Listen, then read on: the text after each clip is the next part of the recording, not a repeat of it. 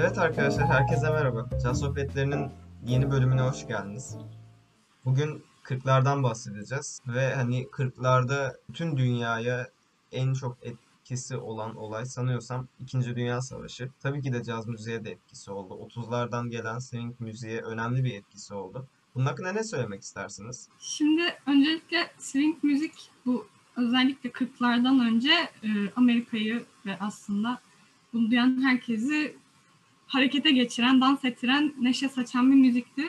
Ama e, İkinci Dünya Savaşı'nı takip eden yıllarda tabii bazı sosyal, ekonomik birçok sebepten dolayı geriledi, arka plana kaldı ve popülaritesini kaybetti. Dolayısıyla big bandler de aslında popülaritesini kaybetti. Yani bu sebepler arasında öncelikle ham maddelerin e, azalması gibi sebepler e, gösterilebilir. Hatta Amerika genelinde e, bu şellak sanırım savaşta da lazım olduğundan ötürü, kayıtlarda da gerektiğinden ötürü e, genel olarak müzik endüstrisini yüzde otuzuna düşürüyorlar. Özellikle hani swing müzikten ve big bandlerden bahsedecek olursak öncelikle büyük orkestraların tabii ki de turneye çıkması, konaklaması, işte her türlü ihtiyaçları e, büyük paralar gerektiriyor ve savaş esnasında bu tip şeyler genişçe yapılamıyor. E, bu yüzden big bandlerin aslında bir, bir yönden gelirleri kesilmiş oldu. 1942-44 e, arasında da Amerikan Müzisyenler Federasyonu'nun başkanı bir grev ve kayıt banı e, ilan ediyor. Başta insanlar yok canım olur mu öyle şey dese de aslında e, müzisyenler için iyi bir şey yapmış oluyor. Çünkü kayıt teknolojisinin gelişmesiyle artık bu plak şirketleri müzisyenlerden bir kere kaydı aldıktan sonra sizin işimiz bitti değil. Kaydı dağıtıp ve müzisyenler hiçbir şekilde kazanmadan orada köşede bırakıyorlardı. E, aslında buna karşı bir ayaklama gibi hani müzik endüstrisinin diyeyim. E, telif hakkı ödemedikleri için. Başta bu işte plak şirketleri e, ellerindeki kayıtları o dönemde piyasaya sürdüler. E, ama tabii bir yerden sonra bu kayıtlar e, yani bitti. Sonuçta iki yıl boyunca, koskoca iki yıl boyunca bu sürdü. E, bu dönemde işte big bandler, çeşitli müzisyenler hepsi bu federasyona üye olduğu için hiçbir şekilde kayıt yapmıyorlardı. Ya da isim değiştirerek galiba küçük plak şirketleriyle çalışıp arada bir şeyler çıkarmaya çalışanlar yine de olmuş. Ama tabii ki de aslında büyük bir darbeydi hani müzisyenler açısından.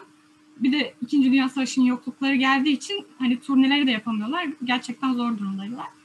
Normalde e, vokaller hani orkestralara e, yardımcı eleman gibi e, yer alıyorlardı. Bu dönemde vokalistler ön plana çıktı. Sebebi de şu, vokalistler müzisyen federasyonuna değil, radyo ve e, tiyatro federasyon tarzı bir şey var. Oraya üye sayılıyorlar. Hmm, yani şey aslında bu grev ve ban e, kayıt banı onlara işlemiyordu. Onun için e, bu dönemde vokalistler ön plana çıktı ve Frank Sinatra da e, aslında e, en çok yıldızı parlayan isim diyebiliriz. Bu grev sonrasında da hani İkinci Dünya Savaşı sonrasında da aslında e, evet vokalistler ön plana çıktı. Big bandler geriledi. Ama tek so- sorun e, sosyal sıkıntılar ve ekonomik sıkıntılar da değildi. E, Big bandlerin birçok üyesi aslında orduya alındığı için e, hani orada da kayıplar yaşandı. Bu arada hani her ne kadar e, bir gerileme olsa da savaş sırasında insanların moralini yüksek tutmak için e, işte ordularda veya belli yerlerde hala bu Big Band'lerin kayıtları ve müzikleri ayrıca canlı performansları da sergileniyordu. Çünkü hani genel olarak ihtiyaç olan bir durumdu.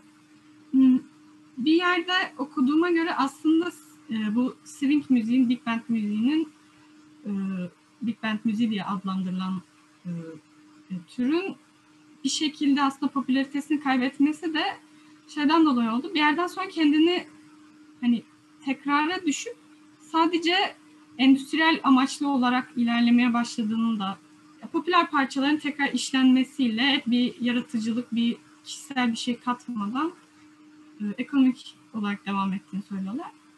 E, bu sırada gerçek cazcılar diyeyim hani gerçekten bu müzik türüne ilgi duyan insanlar e, bu popüler kültürün ya da genelin e, şeyinin dışında, ilgisinin dışında ayrı yerlerde toplanıp e, cazı kendileri devam ettirerek bebop dediğimiz tarzın aslında temellerini atıyorlar. Bu e, kayıt yasağı döneminde birçok aslında tarihsel olarak önemli caz, R&B tarzı e, müziklerin kayıtları ya çok küçük şirketler tarafından hani göze çarpmadan yapıldı ya da hani hiç yapılamadı. Onun için bu konuda bir belirsizlik olabilir.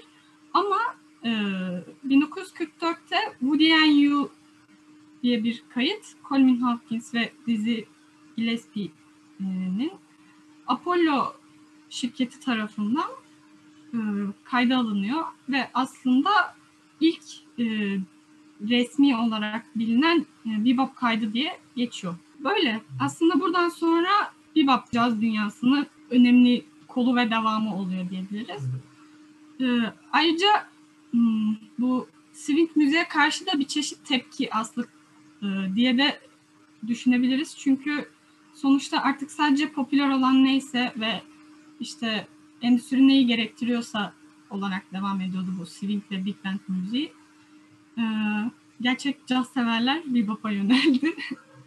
Böyle. Temel olarak hani orkestra yapısındaki şeyler korundu ama daha küçük topluluklar halinde çalmaya başladılar diyebiliyorum. Bebop tarafına yönelenler.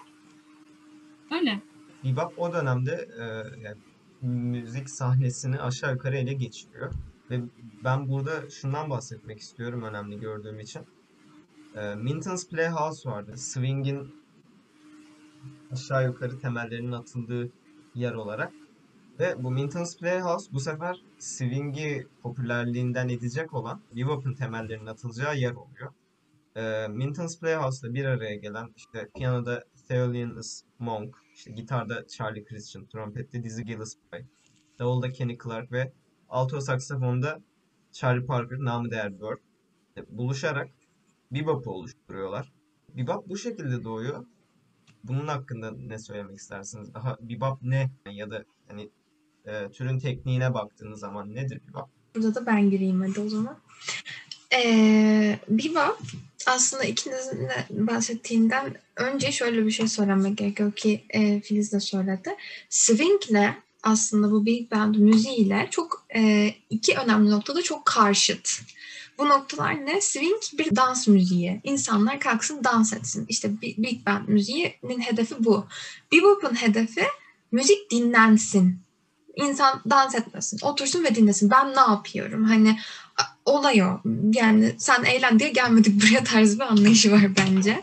Aynı zamanda ikinci fark da Big bandlerde ve swing dediğimiz müzikte aranje çok önemli. Yani özellikle üflemelilerin, melodilerinin aranjeleri çok önemli. Bebop'ta e, aranjeden çok e, head dediğimiz şarkının ana melodisinin olduğu kısmın bir sürü enstrüman tarafından çalınması da genelde çok görülen bir şey değil bebop müzikte. Genelde e, zaten bir ya da iki üflemeli olur. Bir saksafon olur, iki saksafon yani belki.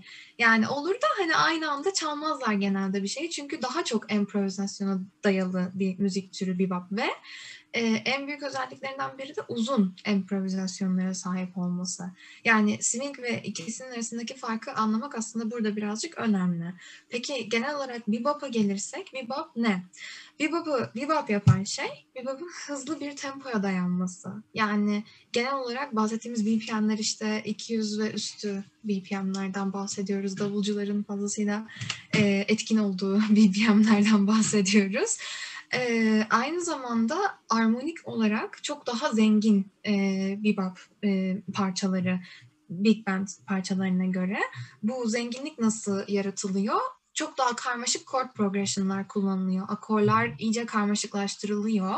E, bu yapılırken nasıl yapılıyor? Mesela bir sürü anahtar değişimi oluyor parçanın e, ilk bir bilmem kaç ölçüsüne bir e, ses diyorsun. Bir bakıyorsun değişiyor, bir bakıyorsun bir daha değişiyor, bir daha, bir daha, bir daha.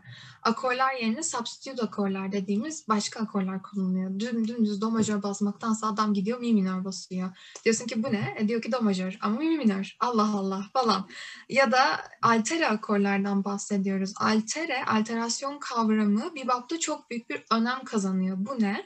Özellikle triton, bemol 5 dediğimiz o aralık e, bebop'ta inanılmaz önem kazanıyor. Aynı zamanda tek başına mesela müzikte bebop scale dediğimiz bir scale var.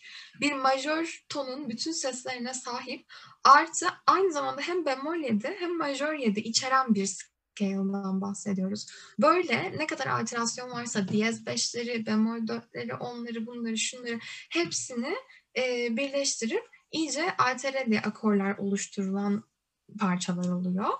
Extended akorlar dediğimiz şeyler de yazılabilir. İşte akorları iyice böyle mesela bir akor dediğinizde üç ses düşünür insan ama mesela yedinci sesi de koyduktan sonra üstüne bir üç ses daha koyup atıyorum. Yedi tane sesli akorlar falan çalınıyor. Yani peki bunları bu insanlar niye yapıyor? Bunları bu insanlar işte kimsenin anlamayacağı bir müzik yapalım insanlar böyle ağzı açık baksın diye değil. Adamlar gerçekten bunu çok seviyor ve kendilerine deneysel bir ortam yaratmak istiyorlar. Bana işte up tempo bir beatle işte e, çok hızlı gezilerek yapılan doğaçlamalarda gerçekten sadece sevdikleri için bu yapılıyor ve aslında inanılmaz tatlı, inanılmaz güzel şeyler ortaya çıkıyor. Yani bebop'un genel anlamı bu.